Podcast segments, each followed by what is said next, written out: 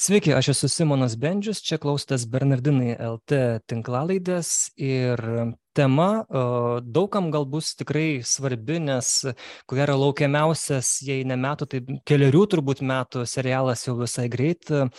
Rugsėjo antrą dieną įvyks serialo The Lord of the Rings, The Rings of Power arba lietuviškai Žiedų valdovas galios žiedai premjera. E, bus galima tą serialą žiūrėti Amazon Prime e, platformoje, kuri pasiekiama ir Lietuvoje. Kiek žinau, pirmas mėnesis yra nemokamai ir man Amazonas nieko nemokėjo už tai, už tą reklamą, bet e, pasakau visiems, kad tiem, kas bus įdomu. Ir kalbam dėl to, kad apie Tolkieną Bernardinai kartkartimis vis reguliariai pakalba.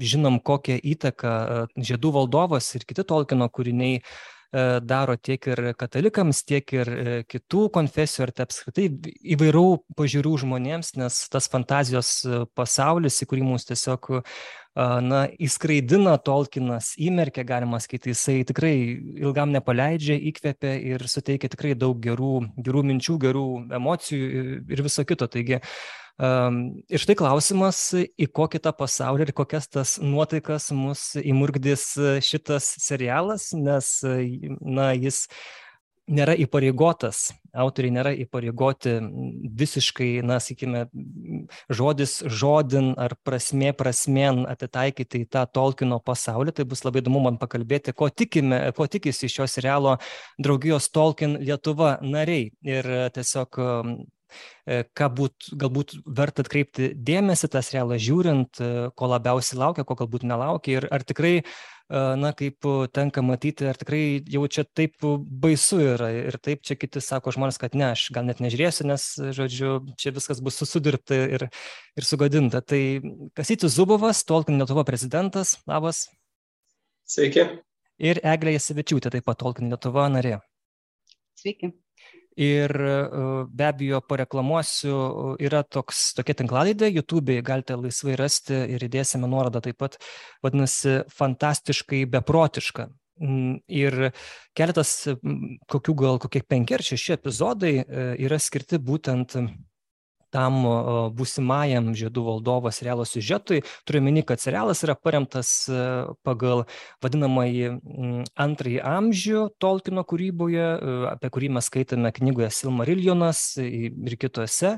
Na, apie tai patį to turinį daugiau pakalbėsim, bet jeigu norite tokios tikrai išsamios, geros įžangos, ko galima laukti iš to žiedų valdovo serialo arba maždaug koks tas pagrindas, ant kurio yra statomas serialas, tai e, tikrai tos tinklaladės labai labai pravers į tą kontekstą e, įsilieti ir tikrai labai vaizdingai, e, paprastai ir su humoru tokiu geru, kasytis reglė daug dalykų papasakoja. Tai be abejo, tai mes čia visko tokio neišpasakosim, bet tokius įdomius, tokius bendrus dalykus. Tai Tai pirmiausia, ką mums žada to serialo kuriejai, apie ką tai bus. Žiedų valdovas, galios žiedai pirmą kartą mus perkelia į ekranus į ekranus perkelia didvyriškus pasakojimus apie legendinį antrąjį viduržėmės istorijos amžių.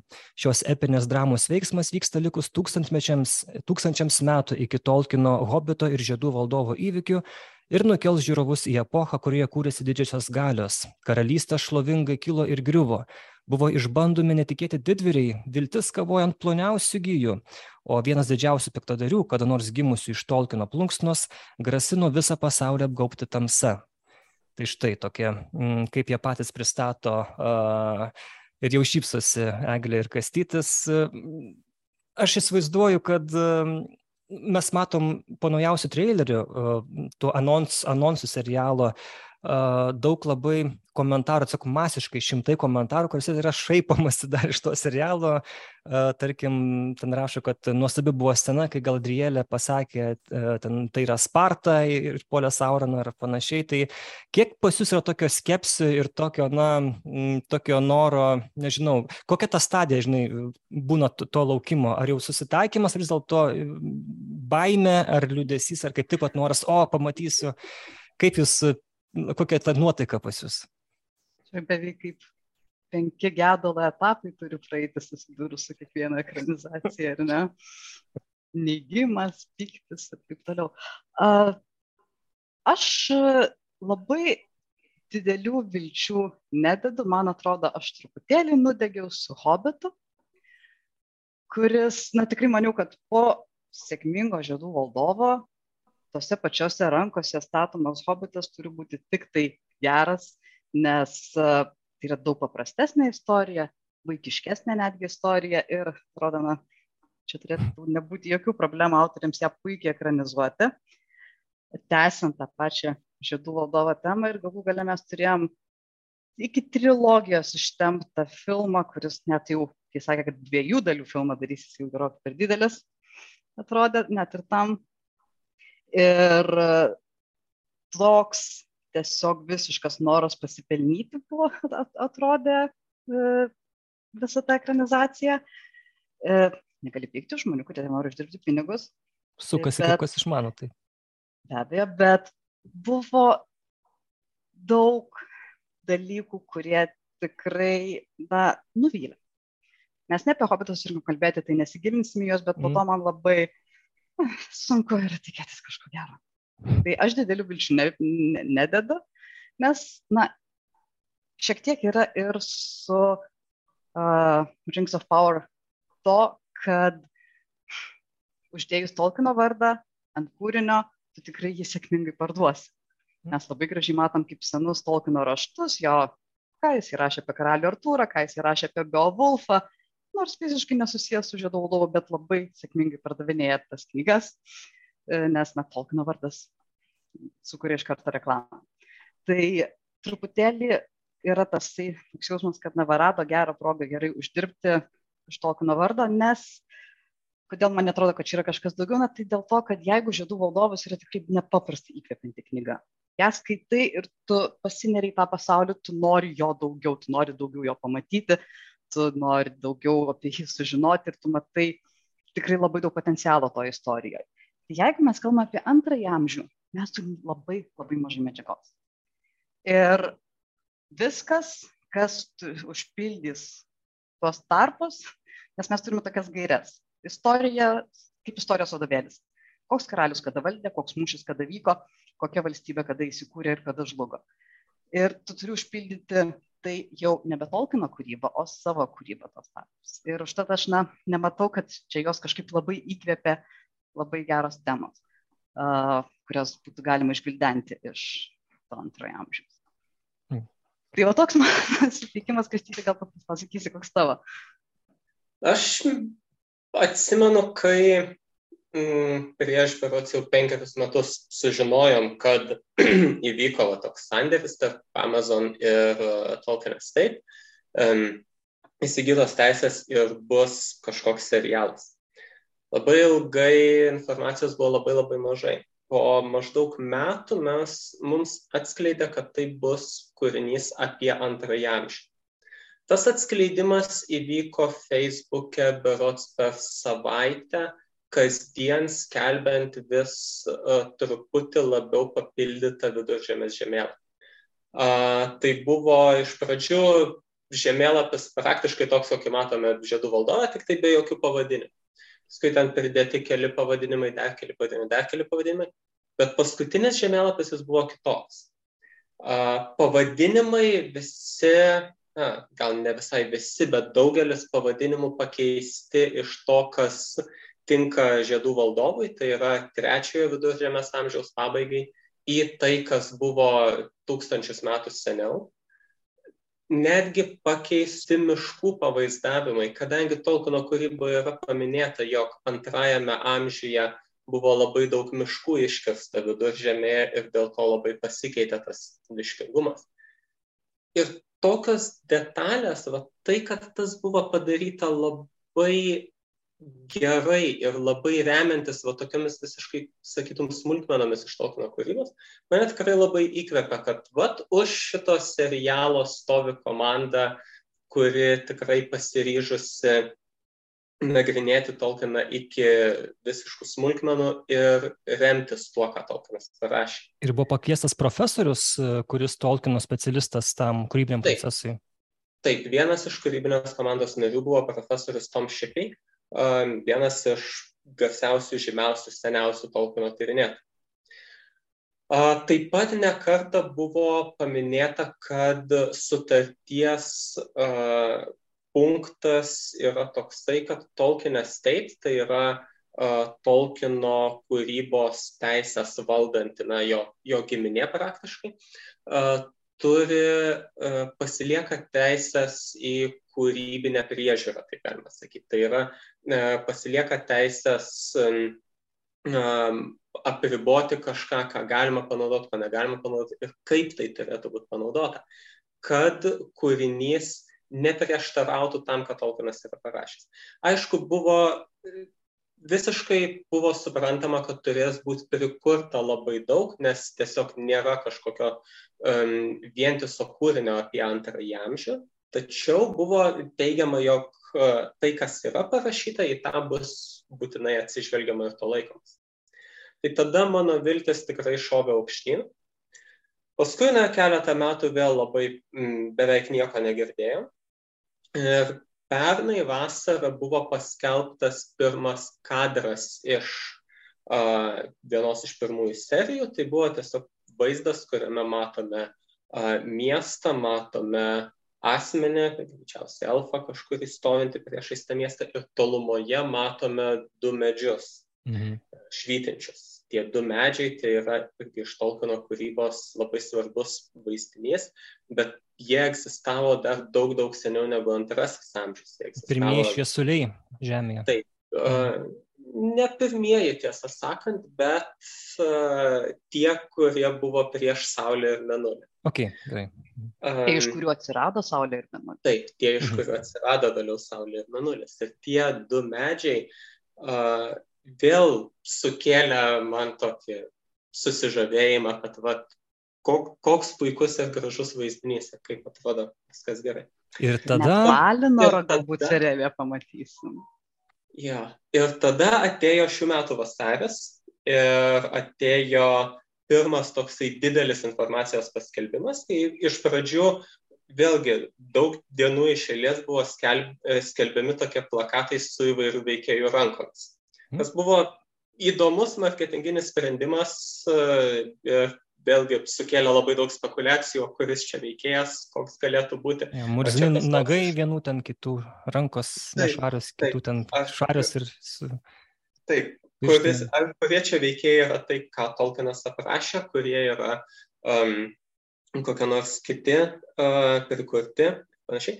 Bet tada gavom tokį didelį informacijos kiekį, tai išsamų straipsnį berots Vanity Fair žurnale, kuriame serialo kuriejai pasakė, kad mes neturime jokių teisų išskyrus į žiedų valdovo priedus. Ir taip pat jie paskelbė, kad visa antrojo amžiaus istorija, kuri pagal tai, ką Tolkienas rašė, tęsiasi 3400 metų maždaug, bus sutraukta į vieną žmogaus gyvenimo trukmę, tai yra, kad tie patys veikėjai žmonės galės, na, bus matomi per visą tą serialą. Na, tada va, toje vietoje aš supratau, kad visgi mano viltis buvo beprasmės ir iš tiesų čia nebus pagal Tolkieno kūrybą, čia bus tik tai jos motyvais galbūt sukurtas serialas. Na, nuo tada, nuo vasario, visa tai, kas buvo toliau paskelbta, mano šito požiūrio nepakeitė. Bet per tą laiką aš susitaikiau, kad taip ir bus. Taip, kad dabar aš vilčių neturiu praktiškai jokių, kadangi ir pats suprantu, jog apie šito serialo siužetą aš tikrai nieko nežinau, nes mano žinios apie tai, ką Tolkienas parašęs, yra, na, jeigu kas nors kur nors sutaps tam seriale, tai bus gerai, šaunu, bet jeigu ne, tai, tai ne, taip kad tiesiog pasižiūrėsiu, kaip fantastinį serialą ir gali būti, kad jis bus visai geras. Aš labai stengiuosi nieko nevertinti nemačiusi. Nu, vien iš to, ką esam gavę iš straipsnių, iš trailerių, vis dėlto negali vertinti viso kūrinio. Aš labai labai stengiuosi iš tikrųjų nevertinti, kaip tas serialas galų galia, koks bus tas galutinis rezultatas. Ypač jeigu jie visus penkis sezonus padarys, tai gal reikėtų sulaukti visų penkių sezonų, kad pasakytum geras, blogas. atitiko mano viziją ar netitiko ir galų gale, nu, kodėl jie turėtų atitikti mano viziją. Jie mhm. savo viziją be abejo kurs, bet uh, labai stengiuosi nevertinti nei kaip geras, nei kaip blogas. Ir, na, nu, aišku, dar yra tas, kad internetas pilnas jau dabar blogų vertinimų iš žmonių, kurie irgi nematė to serialą. Kas aišku, na, čia tiesiog skaitytojo pritraukimo tikslais tas yra daroma. Visi žino, kad jeigu parašysi dalykas geras pavadinime, niekas net nesivargins skaityti tavo straipsnio žiūrėti tavo video. Parašysi dalykas blogas, visi eis pažiūrėti, o tai kuo jis ten blogas. Nu, žmonės taip veikiam, čia nieko nepadarys. Tai natūralu, kad e, pilnas internetas ir straipsnių ir, ir, ir, ir video jau dabar veikiančių tą serialą, bet iš tikrųjų vertinti jį reikės paskui. O ko gero vis tiek galim turėti lūkesčių. Mhm. Ką gero iš to galima būtų padaryti. Gerai, galim trumpam priminti e, mūsų klausytojams tą, tą kontekstą, apie ką Tolkino pasaulio yra antrasis amžius, ar ne, kuo jis yra svarbus. E, aišku, čia apie tai galima labai ilgai kalbėti, bet jeigu taip trumpai, tai e, turbūt keli esminiai momentai, tai Saurono, kurį mes pažįstame žiedų valdovo iškilimas, E, galios žiedų nukaldinimas, ar ne, tas, tas procesas, kaip jis apgauna žmonės ir štai e, tampa tuo galingoju, tuo piktuoju valdovu, kurį mes matome jau šitame žiedų valdove. Ir turbūt kita dalis e, sužeto tai yra Numenoro sala, kurie žmonės gyvena ilgai, laimingai, kultūringai, technologiškai pažengę, bet galų gale, kuri dėl Saurono kėslų, klastų ar apgaulės, jinai degraduoja ir, ir galų gale jai būna galas. Kaip galima būtų, vat, kaip dar trumpai paaiškintumėt žmonėms, kurie na, skaitė žydų valdovą, bet neskaitė Silmariljono, kuriame būtent tai yra aprašoma? Kalbant apie antrąjį amžių ir būtent sąsąją su žydų valdovu, tai um, dar keletą irgi tokių motyvų galima paminėti. Vienas būtų istorinė tasa Gondoro karalystė ir Aragornas, kuris žiedų valdovo pabaigoje tampa ne šiaip Gondoro karaliumi, bet atkuria suvienytąją karalystę. Ir jis yra palikuonis kitos seniai pranykusios Arnoro karalystės valdovo. Arnoras ir Gondoras buvo dvi karalystės, kurias įkūrė iš to Numenoro uh, į viduržėmę atkeliavę žmonės. Tai buvo žmonių sala.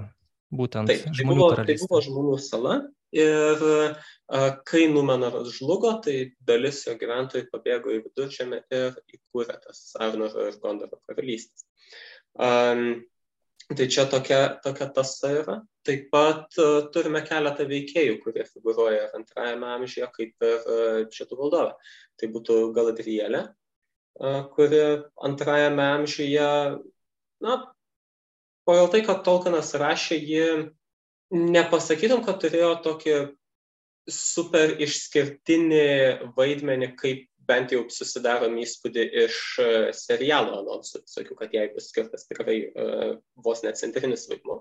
Mhm. Tačiau ji vis tiek buvo uh, svarbi veikėja ir, galima sakyti, politinė uh, veikėja. Ir uh, būtent antrajame amžiuje jie su vyru Kelebornu persikraustė į Lotlorianą ir tapo ten valdovai. Taip pat Elrondas, kuris Rivendelė gyvena, tai jis antrajame amžiuje būtent Rivendelas buvo įkurtas. Taip, Elrondas nuo antrojo amžiaus pradžios irgi buvo svarbus veikėjas ir buvo uh, karvedys kurį laiką, vėliau tik tai tapo tokiu, kaip ir, nežinau, išminčiumi, uh, tiesiog tokiu to Rivendelo prižiūrėtoju. Mhm. Uh, Kirdanas laivininkas, kuris žiedų valdovė minimas, žiedų valdovo filmuose jis tik tai minimaliai pamatomas pačiam gale, bet jis taip pat, taip pat buvo svarbus elfų karalystėje Lindone. Dar vienas dalykas, ką aš išskirčiau apie antrąjį amžių, tai um, jame būtent tose jo istorijose daug žaidžia um, toks motyvas apie, apie tai, kaip žmonės bando įveikti savo prigimtį ir kaip tas bandymas įveikti atsisuka prieš juos pačius ir negebėjimas susitaikyti su tuo, kokie jiems yra skirta limtis. Tai būtent neamžinas gyvenimas ir galimybė pasenti ir numirti ir palikti šį pasaulį, um, kas yra erų, tai Dievo kurėjo to na, kūryba dovana žmonėms, priešingai negu elfams. Uh, tai šito, na, tos dovanos kaip ir paniekinimas ir bandymas įgyti amžinai gyvenimą, kaip jisai sukelia uh, daug uh, kančių žmonėms. Uh, tai ir iš to paskui ir Numenoras žlunga būtent dėl šito motyvo. Tai čia toks, tokia va, tema, kuri svarbi tose antrojo amžiaus istorijose, kurias turi, na, istorijose ir jų nuotraukose. Mhm. Dar irgi reikia ko nepamiršti, visada atrodo, kad Numenoro žlugimu baigėsi antrasis amžius, bet po to dar seka karalysčių įsikūrimas viduržėmėje, Taip. žmonių susivienijimas su elfais ir jų kartu bendras karas prieš Sauroną, per kurį Sauronas yra nugalimas ir tik tai žiedas yra nesunaikinamas. Jo, ir čia... tada baigėsi antras amžius, ta scena, kur matom žydų valdovo filme, jeigu, jeigu žiūrim, taip, taip, pačioje taip. pradžioje, Izilduras, kai ir turi išmesti tą galio žiedą į, į lemties kalno tą ugnį, bet uh, jis to nepadaro. Ir... To nepadaro. Tai šitas irgi yra dar vis antrajame amžiuje, tačiau mhm. visumoje jis kaip ir pirmasis amžius, taip ir šitas baigėsi laimingai. Iškyla blogio valdovas, bendromis jėgomis jisai įveikimas.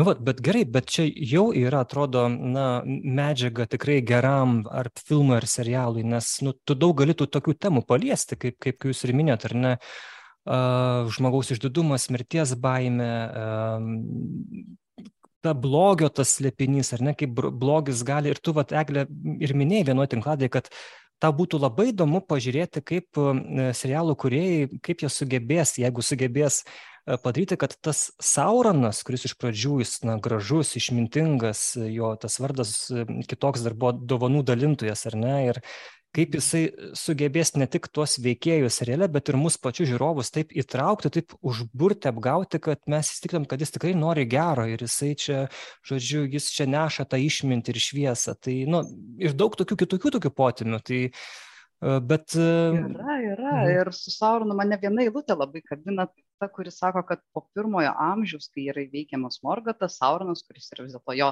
dešinioji ranka, apsimeta, kad gailėsi, o gal ir iš tikrųjų apgailę sauja. Mm. Tolkienas visada duoda blogiui šansą atsigręžti atgal. Ir Sauronas tai vietai irgi turi galimybę vis dėlto išpirkti savo kaltes tarsi. Ir jeigu jau taip duodant savo šiek tiek kūrybinės laisvės, pavaizduoti Sauroną, kuris iš tikrųjų toksai, aš gailiuosi, ko padariau, aš esu pasiryžęs išpirkti savo kaltes, aš dabar padarysiu taip, kad viduržymė būtų gerai visiems. Nu, ir iš to didelio noro tą daryti, jisai ir nu, prieina iki to, kad, aha, man čia yra per daug kliučių mano tikslams pasiekti, gal tada šitie, kurie man trukdo, mano yra dabar priešai ir aš juos sunaikinsiu, nes mano tikslai aišku, yra viršiau kitų tikslų ir, na, va šitaip jis nusirita į tą blogį, mes galim tokį Sauroną pamatyti. Pradedant nuo pačių geriausių ketinimų, įsitikinusi tokiu savo absoliučiu teisingumu ir tada jis jau nebeturi kitos išties, kaip tik tai viską užkariauti, viską užvaldyti ir tuo pačiu viską sunaikina. Tai būtų įdomus toks tokį Sauroną pamatyti. Mhm. Kitas momentas, kurį aš manau, mes galim truputėlį irgi uh, tokią iliuziją išvesti. Tolkienas labai nemėgo, kad jo darbą būtų žiūrima kaip į alegoriją, bet jam visą laiką patiko tas toks pritaikomumas, kad tu gali kažkaip įvairioms temams pritaikyti uh, jo kūrinius. Ir mes turime situaciją su Numenoru, kur dėl žmonių veiksmų yra suke, sukeliama globalinė katastrofa, po kurios žemynas atsiduria po vandeniu. koks puikus momentas pakalbėti apie tas baimės, kurios yra šiandien. Mums, ir jie kerta miškus. Mums, mums, ir jie kerta miškus. Mhm. Ir, ir čia tikrai būtų dalykas, kuris pačiam Tolkienui būtų buvęs labai arti širdies, nes okay. Tolkienas tikrai nekartą yra sakęs, kad visur, kur įmanoma, aš esu už medžius ir jis tuo metu toks, tokie ekologiniai judėjimai, kaip mes dabar juos suprantam, nelabai egzistavo, bet uh, daug kas laiko Tolkieną tokiu proto environmentalistu, būtent tokiu aplink, pirmykščių aplinkosaugininku, bent jau per savo požiūrį ir tai, kas jo kūryboje atsiskleidžia ir taip toliau. Ir Tolkienas tikrai įkvepia ne vieną vėlesnį ten aplinkosauginį judėjimą, tiek Greenpeace vieni iš įkūrėjų labai žavėjosi būtent Tolkieno kūrybą ir žiedų valdovo to motyvų, kad maži hobitukai pakeičia visą pasaulį ir išgelbsti pasaulį um, panašiais dalykais. Ir šitą tikrai būtų galima pavaizduoti. Tai, tai vad būtų uh, toks tikrai tas tolkinistinis motyvas, tai ką aš suprasčiau kaip būtent vieną iš temų ir idėjų, kurias Tolkienas įdėjo į savo kūrybą, va, kaip ji tikrai galėtų būti ir, ir dabar yra ji labai aktuali ir galėtų e, tikrai atsiskleisti serialė. Net nesvarbu, kad e, visas tas serialo sužetas e, gali būti visiškai netoks, kaip, e, kaip Tolkienas užrašęs metraščiuose. Mm. Kaip ir minėjai, kad e, ta daugiau nei, keturi, daugiau nei 3000 metų istorija jinai bus traukta į vieno žmogaus, vieno žmogaus gyvenimą realiai. Tai čia jo. Um, na, Natūralu, labai dažnai filmuose tą daro. Taip, na ir. Valdovas yra 17 metų, tai peršokam, apsimetam, kad viskas vyko kitą mėnesį. Ir, ir mm. aišku, net jeigu paimam Tolkieno kūrybą ir kiek yra parašyta apie visokius įvykius antrojo amžiaus, tai realiai, na, ten nėra tų trijų tūkstančių metų tokios istorijos, kurioje nuolat kažkas vyksta parašyta. Mm. Uh, tai yra, galima sakyti, trys tokie uh, svarbus elementai.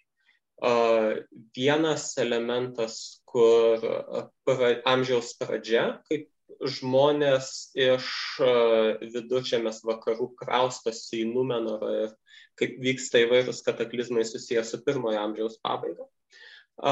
Tada yra antras maždaug amžiaus viduryje etapas, kai yra žiedų nukaldinimas, sukūrimas ir elfų bei saurono karas kurio metu sunaikinama ta elfų regiono karalystė, kurioje ir buvo nukaldinti didžioji dalis žiedų. Mhm. Ir vėliau yra amžiaus pabaiga, kai Numenoro valdovas Arfarazonas Sauroną priverčia nusižeminti, pasiima iš pradžių kaip kalinį į Numenorą, vėliau Sauronas tenai iškyla kaip vienas iš svarbiausių asmenų ir tada Numenoro žlugimas ateina, išsigelbėjimas, Arnoro bei Gondoro karalysčių įkūrimas ir kova su Sauronu. Na tai vienas, antras, trečias etapas, na, paimkim pirmi du, jie apima po kokius gal šimtą metų, uh, trečias, na, kokius du, tris šimtus metų. Tai iš viso, na, jeigu vat vieną prie kito šituos etapus sudėtume, na, tai gautųsi kokie 500 metų istorijos, ne 3400. Mm. Aišku. Uh, Bet taip nepapasakosi. Ne. Nes toje kūryboje žmonės gyvena tam, iš pradžių 500 metų ar, ar, ar panašiai, bet aišku, čia kai tu peršoki per tos laikotarpius, vis tiek jau būna jau kitos kartos. Taip, tas, ir šitą būtų labai sunku parodyti, man atrodo. Tai kaip ir tiek to, bet na, tiek daug yra serialų, kurie randa sprendimą, kaip tą padaryti, galų galia tarsi eina, pavyzdžiui, dvi siužetinės linijos paraleliai ir dar toks atsiranda galvosūkis žiūrovui sudoroti, aha, tai kas čia po ko ėjo. Mhm. Kad ras yra, kas yra kas. Nors elfai nemirtingi, tai elfai visą laiką tie patys veikėjai, tik žmonės keistusi, aktoriai. um, svarbus antram amžiui. Atrodo, um, atrodo, kad Raganiaus serialas, kaip pirmam sezone tą darė, tai labai už tai buvo peikiamas, kad čia viskas labai neaišku. Mhm. Kai, kai kelios sužetinės linijos ten atskirtos šimtmečiais e, vyko, tai paraleliai rodomos buvo. Mhm. Ir kitas dalykas, kad mes matėm tuos vadinamosius trailerius, filmo serialo anonsus ir ten mes matom tą Galadrielę, kuri po e, vieno iš brolių, neaišku kurio, gal, gal Finrodo ar, ar kito mirties, jinai pasi, pasiryšta, kaip čia, keršyti, kovoti su blogiu ir jinai štai e, kviečia sąjungininkus tai kovai. Matome šiek tiek būsimąjį karalių Elrondą, kol kas paprastą tokį, tokį elfą ir, ir matom greičiausiai žmonės, kurie turbūt yra to Numenoro karaliai, jeigu taip galima suprasti. Ir Taip pat irgi keli tokie veikėjai ir svarstama, kas jie ten tokie gali būti. Vieni tokie hobitukus panašus, tokie maži, tokie murzini, garbanoti. Taip pat matom ir, kas aišku, čia tikrai atmetant bet kokius, na, neturint omeny jokių rasinių kažkokių diskriminacinių dalykų, bet matom juodaodį elfą, kas, na, turbūt Tolkino kūrybai būtų, nu, nesusipratimas, nes elfai visi yra, na, šviesiaodžiai, kiek, kiek aš bent jau prisimenu, suprantu ir arba Nikštukų karalienė irgi juodaodė.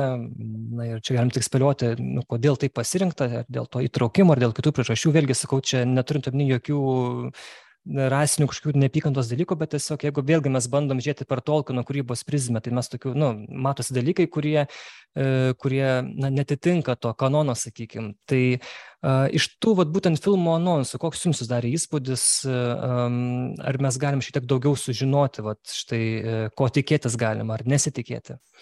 Tai kad hobit, hobitus mes matom, tai tikrai hobitus, jie netgi įvardė, kad jie yra Harfoots, Jis yra viena iš trijų hobitų genčių giminių. Mm, okay. Aš štai, suprantu, ką reiškia, aišku. Ir hobitai, tai antro, antro amžiaus įvykiuose, antro amžiaus istorijose hobitai nedalyvavo, tačiau kažkada iš kažkur jie atėjo ir pasirodė viduržėmėje trečiajame amžiuje, bet jų kažkurie turėjo būti ir prieš tai. Na, iš dangaus gi nenukrito, tai net visai įmanoma, kad kažkur jau jie tada ir gyveno. Hobitai prieš tai buvo klajoklių gentis klajokliško gyvenimo būdą vedė, na tai kaž, po kažkur gali ir tave antrame amžiuje klajoti ir su kažkokiais mūsų personažais susitikti. Gerai, čia nėra nusikaltimo tada. Bet tik tai truputėlį pritapta. Beje, apie Harfoots netgi yra pasakyta, kad iš kitų hobitų jis įskiria to, kad yra rudesnės odos. Ir tarp aktorių jos vaidinčių yra ir juodaudžio aktorių. Tai gerai. Sakyčiau, visai kanonas. Mhm. Jeigu mes, žinai, mes esam tie trenkti fanai, kur galim ginčytis dėl mažiausių, mažiausių smulkmenų. Vardas bus netoks, plaukų spalva bus netokia ir panašiai. Jeigu tai būtų vieninteliai dalykai, kur yra nuklysta nuo Tolkieno raštų ir tai būtų tik tai, žinai, kas kokios yra spalvos, tai čia būtų, nebūtų apie ką kalbėti. tai taip, Tolkienas apie tokius selfus nerašė, nu, bet čia yra ekranizacija ir ekranizaciją kūrė šiandieniniam žiūrovui, kaip ir Tolkienas rašė tuo laikiniam skaitytojui. Jis rašė savo šaliai Anglijai, jis rašė savo, pirmiausiai, savo bendratutiečiams anglams. Mm. Na tai ir herojai jo ir atrodė taip, kad būtų į save panašus. Nu, visada fainiausia skaityti apie kažką, kas į tave panašus. Mm -hmm. Tada žinai, sakai, va, va, su tuo personažu aš jaučiu ryšį. Dėl to ir Jėzus statom... vaizduojamas baltaodis toks lietuvaitis. O, labai, labai gerai pastebėjai.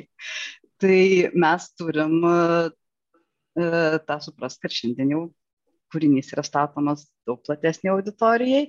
Ar čia yra geriausias būdas e, tą daryti, nu čia jau galima ginčytis. Apie rasizmą kine yra per didelė tam, kad žinai, galima ją išnarplioti. Mhm, mhm. Kas tai turi kokių išvalgų dėl tų būtent uh, anonsų? Um, na, iš anonsų, kaip atrodo akivaizdu, kad, kaip jau truputį minėjau, Galadrielė bus toks kaip ir centrinis personažas viso serialo.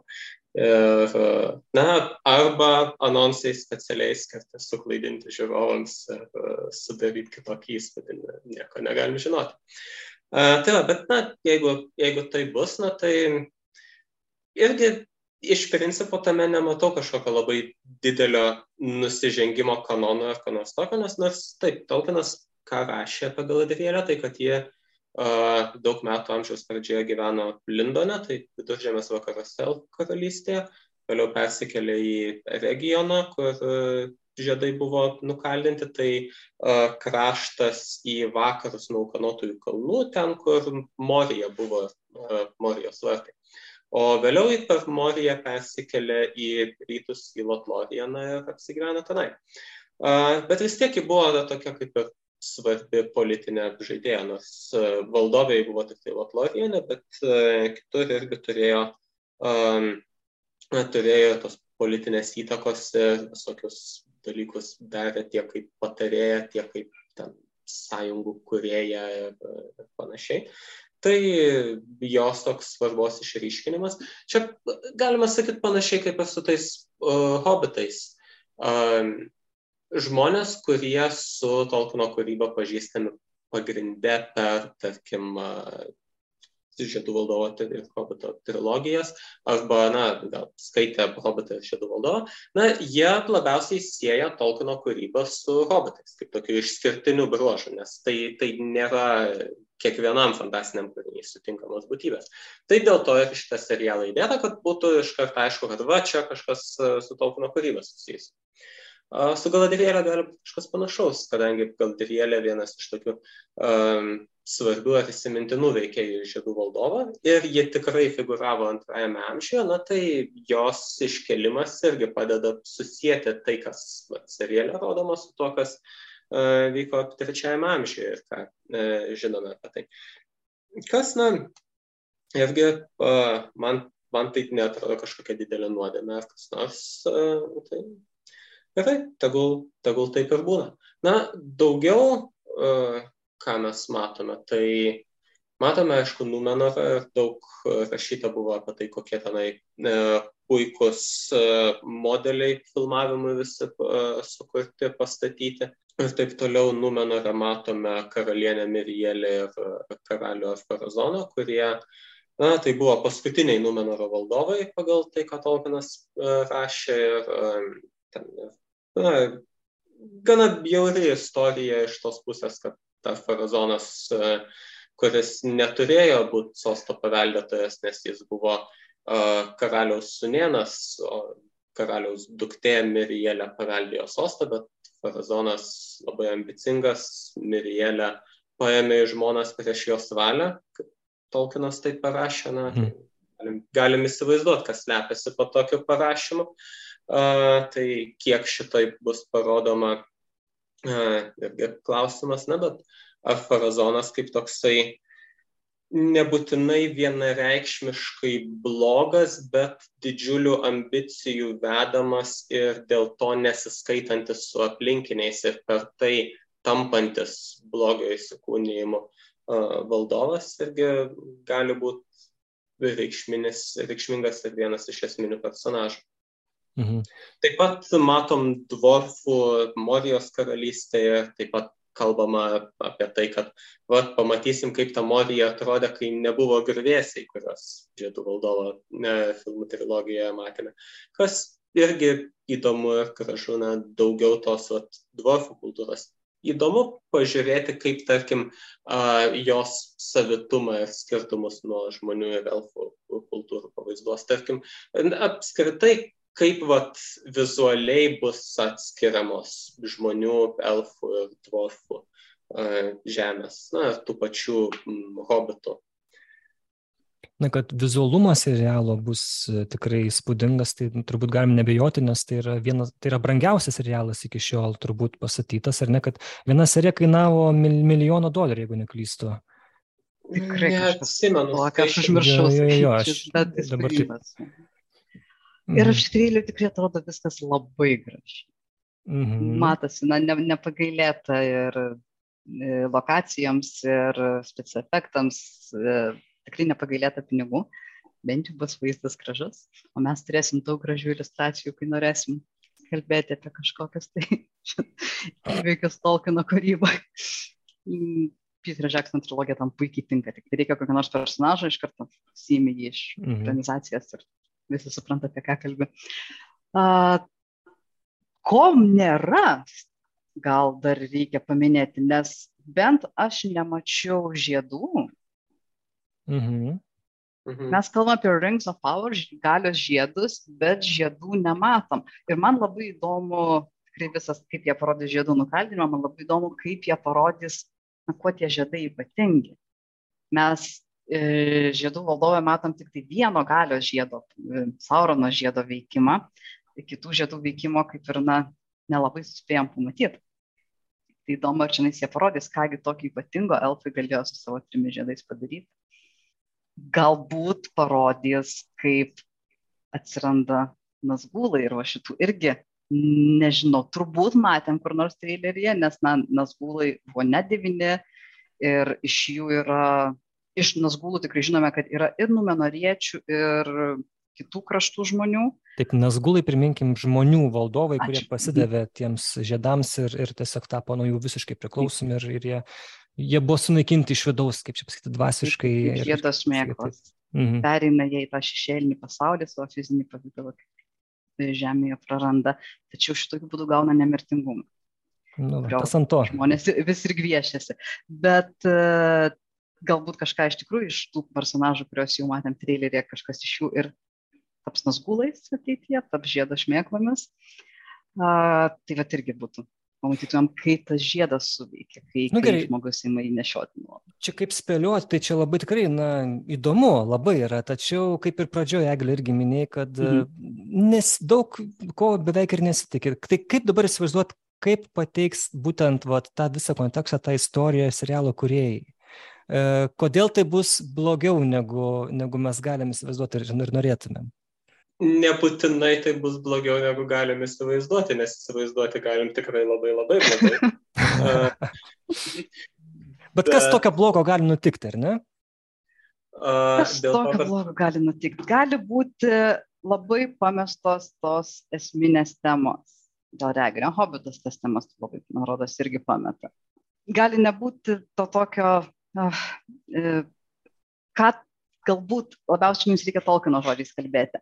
Tolkienas pats iš esmės yra beveik davęs teisę kitiems kuriejams tęsti jo kūrybą. Jis kalbėjo apie tai, kad jis turi tą viziją, kad šita jo Anglijai sukurta mitologija bus papildyta kitų rankų valdančių e, muziką, dramą, tapybą.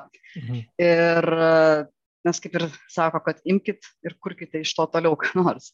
Tačiau jis sakė, kad kas yra svarbu, tai kad e, tas e, e, kūrinys būtų, na, kaip jis tai vardina, high, turbūt tą būtų galima vadinti kaip kilnus, aukštas, na, toks aukštų idealų siekiantis, be, uh, vėlgi, graibausi uh, teisingo lietuviško žodžio, be šlikštybių.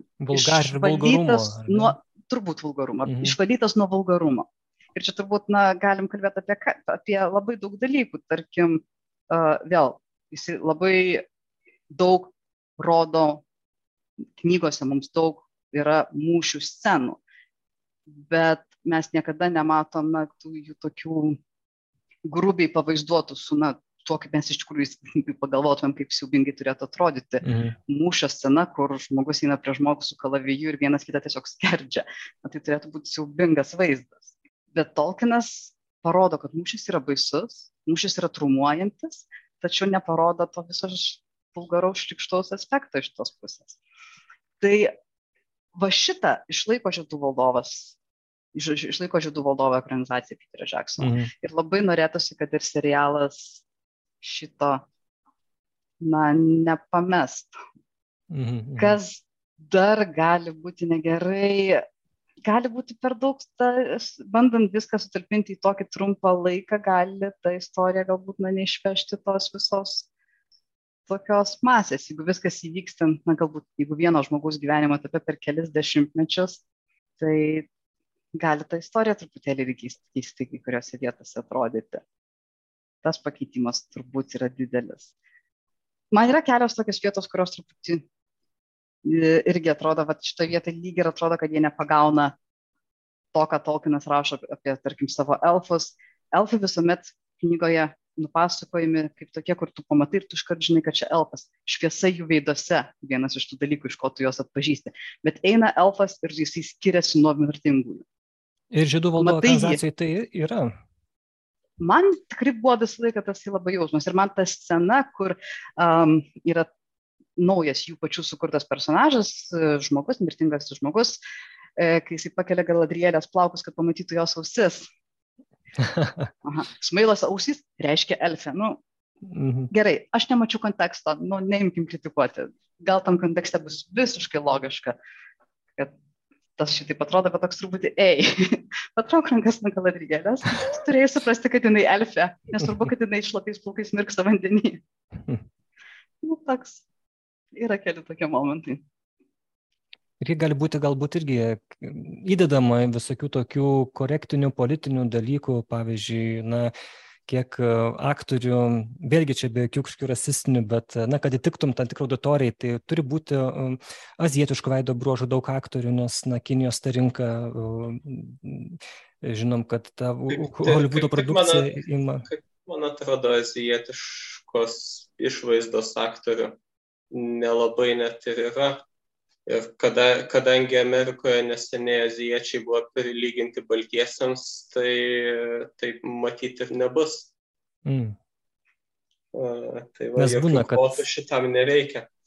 Um, bet, vat, kaip tik norėjau sakyti, apie ką tu užsiminai, toks sumoderninimas įvairių uh, aspektų ir temų gali būti. Na, uh, taip neišskiriant jokios vienos konkrečios temos, bet um, apskritai, na taip, mūsų pasaulyje yra daug visokių problemų, dėl kurių, tarkim, galima sakyti, kultūriniai karai dabartiniai vyksta. Mm. Na, tiek ekologinės problemos, tiek uh, rasizmas, tiek turtinė neligybė, tiek seksizmas, tiek dar tikrai daug galima prigalvoti. Kai kurios iš šitų temų yra, galima sakyti, tikrai amžinos arba tam tikra šiandieninė versija labai tikrai ilgamžiškų temų. Na, kultūrų susidūrimai, nepritapimas skirtingose kultūrose, dar kas nors.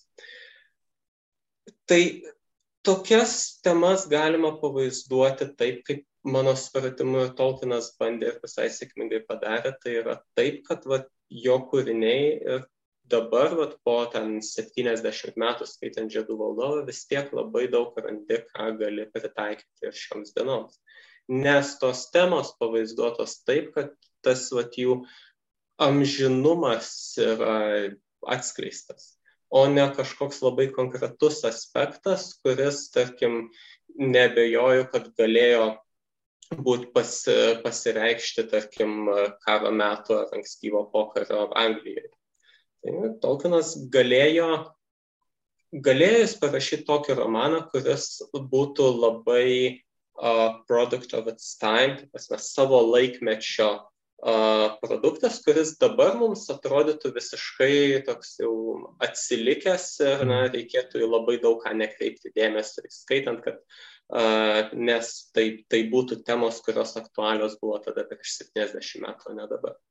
Tai vad su serialu irgi gali nutikti taip, kad tai gali būti jame įvairios tos konfliktinės temos išpildytos taip, kad po dešimties metų žiūrėsi ir matysi, kad taip, čia yra 2022 metų produktas, nes tada vat, tai buvo aktualu, o 2032 metais jau didelė dalis šitų dalykų yra tiesiog nuėjusi į istoriją, aktualūs yra kitokie aspektai. Elfai atplauks į Numenorą ir atneš paslaptingą virusą ir turės visi užsidaryti.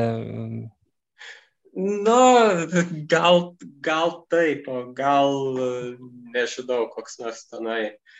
Uh, Susirinkti Soctinklų įtaka irgi pavaizduos, kokia gali būti neigiama. Yra daug tų temų, kurios, na vėl, tas pritaikomumas Tolkieno kūrybos puikiai atsispindi, aš jau paminėjau klimato kaitą ir, ir, ir, ir, ir tai kaip po Numenoro žlugimo pasikeičia, pasaulis visiškai persimaino.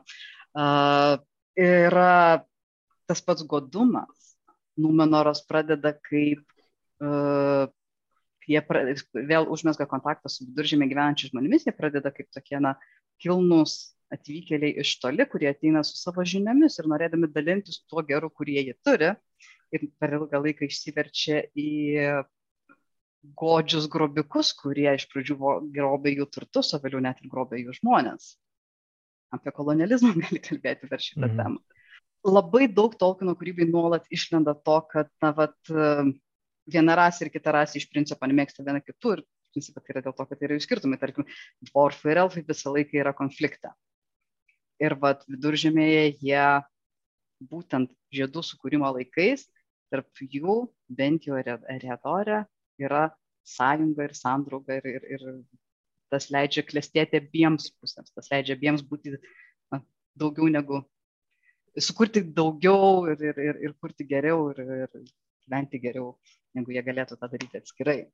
Tai mm. irgi, va, čia yra daug geresnis būdas kalbėti apie rasę, negu, negu diskutuojant, ar, ar, ar galėjo aktorius būti šitaip atrodantis. Mm -hmm.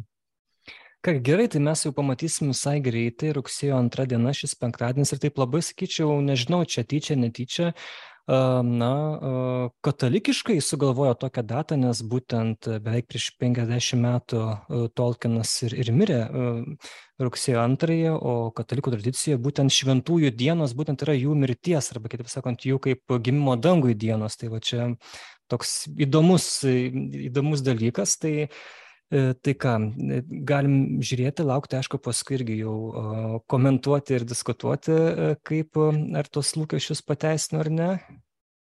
Yra kas komentuoja, kad tokia diena parinkta todėl, kad šitas serialas visiškai užmuš Tolkieno kūrybą, bet tikiuosi, kad taip nebus.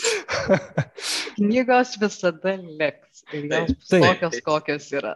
Tai ką ir norėjau pabaigos sakyti, kad rekomendacija. Silmarilionas, naujai išleista Alma Literos knyga, Tolkien Lietuva prisidėjo, peržiūrėjo vertimą, pataisė taisytinus dalykus, tai tikrai įdėsiu nuorodą ir kada mes čia prieš, prieš naujus metus, prieš kalėdas, man atrodo, turėjom irgi su Kastyčio Regelė tinklalaidę, kurie šita knyga buvo pristatyta, tai tikrai rekomendacija ją skaityti ir taip irgi na, pasiruošti morališkai žiedų valdovo serialui ir taip pat, kaip ir minėjau, tinklalaidė fantastiškai beprotiška, taip pat ten rasite daug tokių įdomių siužetinių dalykų ir tiesiog, jeigu trumpai pabaigoje, kokios būtų jūsų rekomendacijos, na, žmonėm, kaip čia, su kokia, nežinau, nuotaika, su kokiu nusteikimu e, įsijungti tas pirmas dvi serijas, kurios bus penktadienį ir pirmoji jų vadinsis Shadow of the Past, praeities šešėlis, o antrosios neradau pavadinimo. Aš visada manau, kad geriau per daug nesitikėti iš dalykų, nes tada arba būsi teisus, arba būsi maloniai nustebintas, o nusivilti tikrai neteks. Mm. Tai, tai dėl to tiesiog didelių lūkesčių nesiūlau turėti, bet gal, galbūt tai nuo to bus tik geriau. Uh, Dar apie, rekomendacijas kalbant, tai taip, lietuviškai turime Silmarilioną, taip pat Žiedų valdovo karaliaus sugrįžimo pabaigoje yra priedai, kur, mm. kurių viename yra uh, metraštis ir jame yra antrojo amžiaus pagrindiniai įvykiai surašyti. Um, Taip pat, uh, skaitantiems angliškai, tai galiu parekomenduoti Unfinished Tales, kur, tai yra uh, knyga, kurioje surinkti pateikti kelių Tolkieno rašytų kūrinių įvairūs, na, įvairios versijos, kai kurios neužbaigtos, tai kai kurie kūriniai yra tie, kurie į Silmarilioną pateko iš pirmojo amžiaus, bet taip pat keli yra būtent iš antrojo amžiaus. Ir tai yra pagrindinė vieta, kur, kur randame informacijos apie antrojo amžiaus tas visokias istorijas.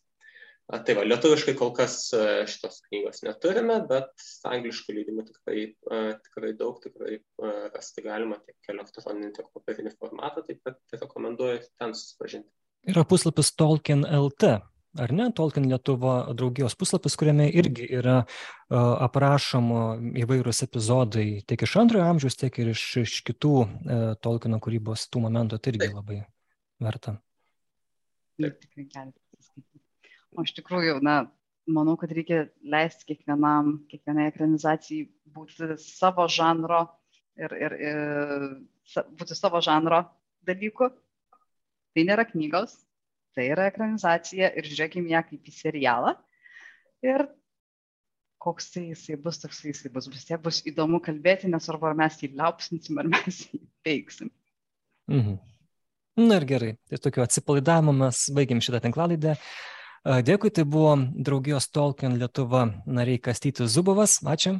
Ačiū. Ir Eglė Jasevičiūtė. Taip, aš Simonas Bendžius, atsisveikinu iki kitų kartų ir prašau, kaip visada, ir labai rimtai finansinės paramos Bernardinam. Sunkus laikai, nežinau, gal ne tiek sunkus, kiek kartais būna sunkus uh, Tolkieno kūryboje veikėjams. Uh, gal tokios didelės tamsos dar nėra ir šešėlis dar taip neužtraukia, bet žinokit, tokie dūmai kaupėsi, tai tiesiog finansinė situacija pas mus tikrai yra sunki, mes to neslėpiam, tai dėl to, jeigu, jeigu matot prasme to, ką daro Bernardinai, tai dėkojame už jūsų ir finansinę paramą. Tai va, gerai, iki. Iki. Iki.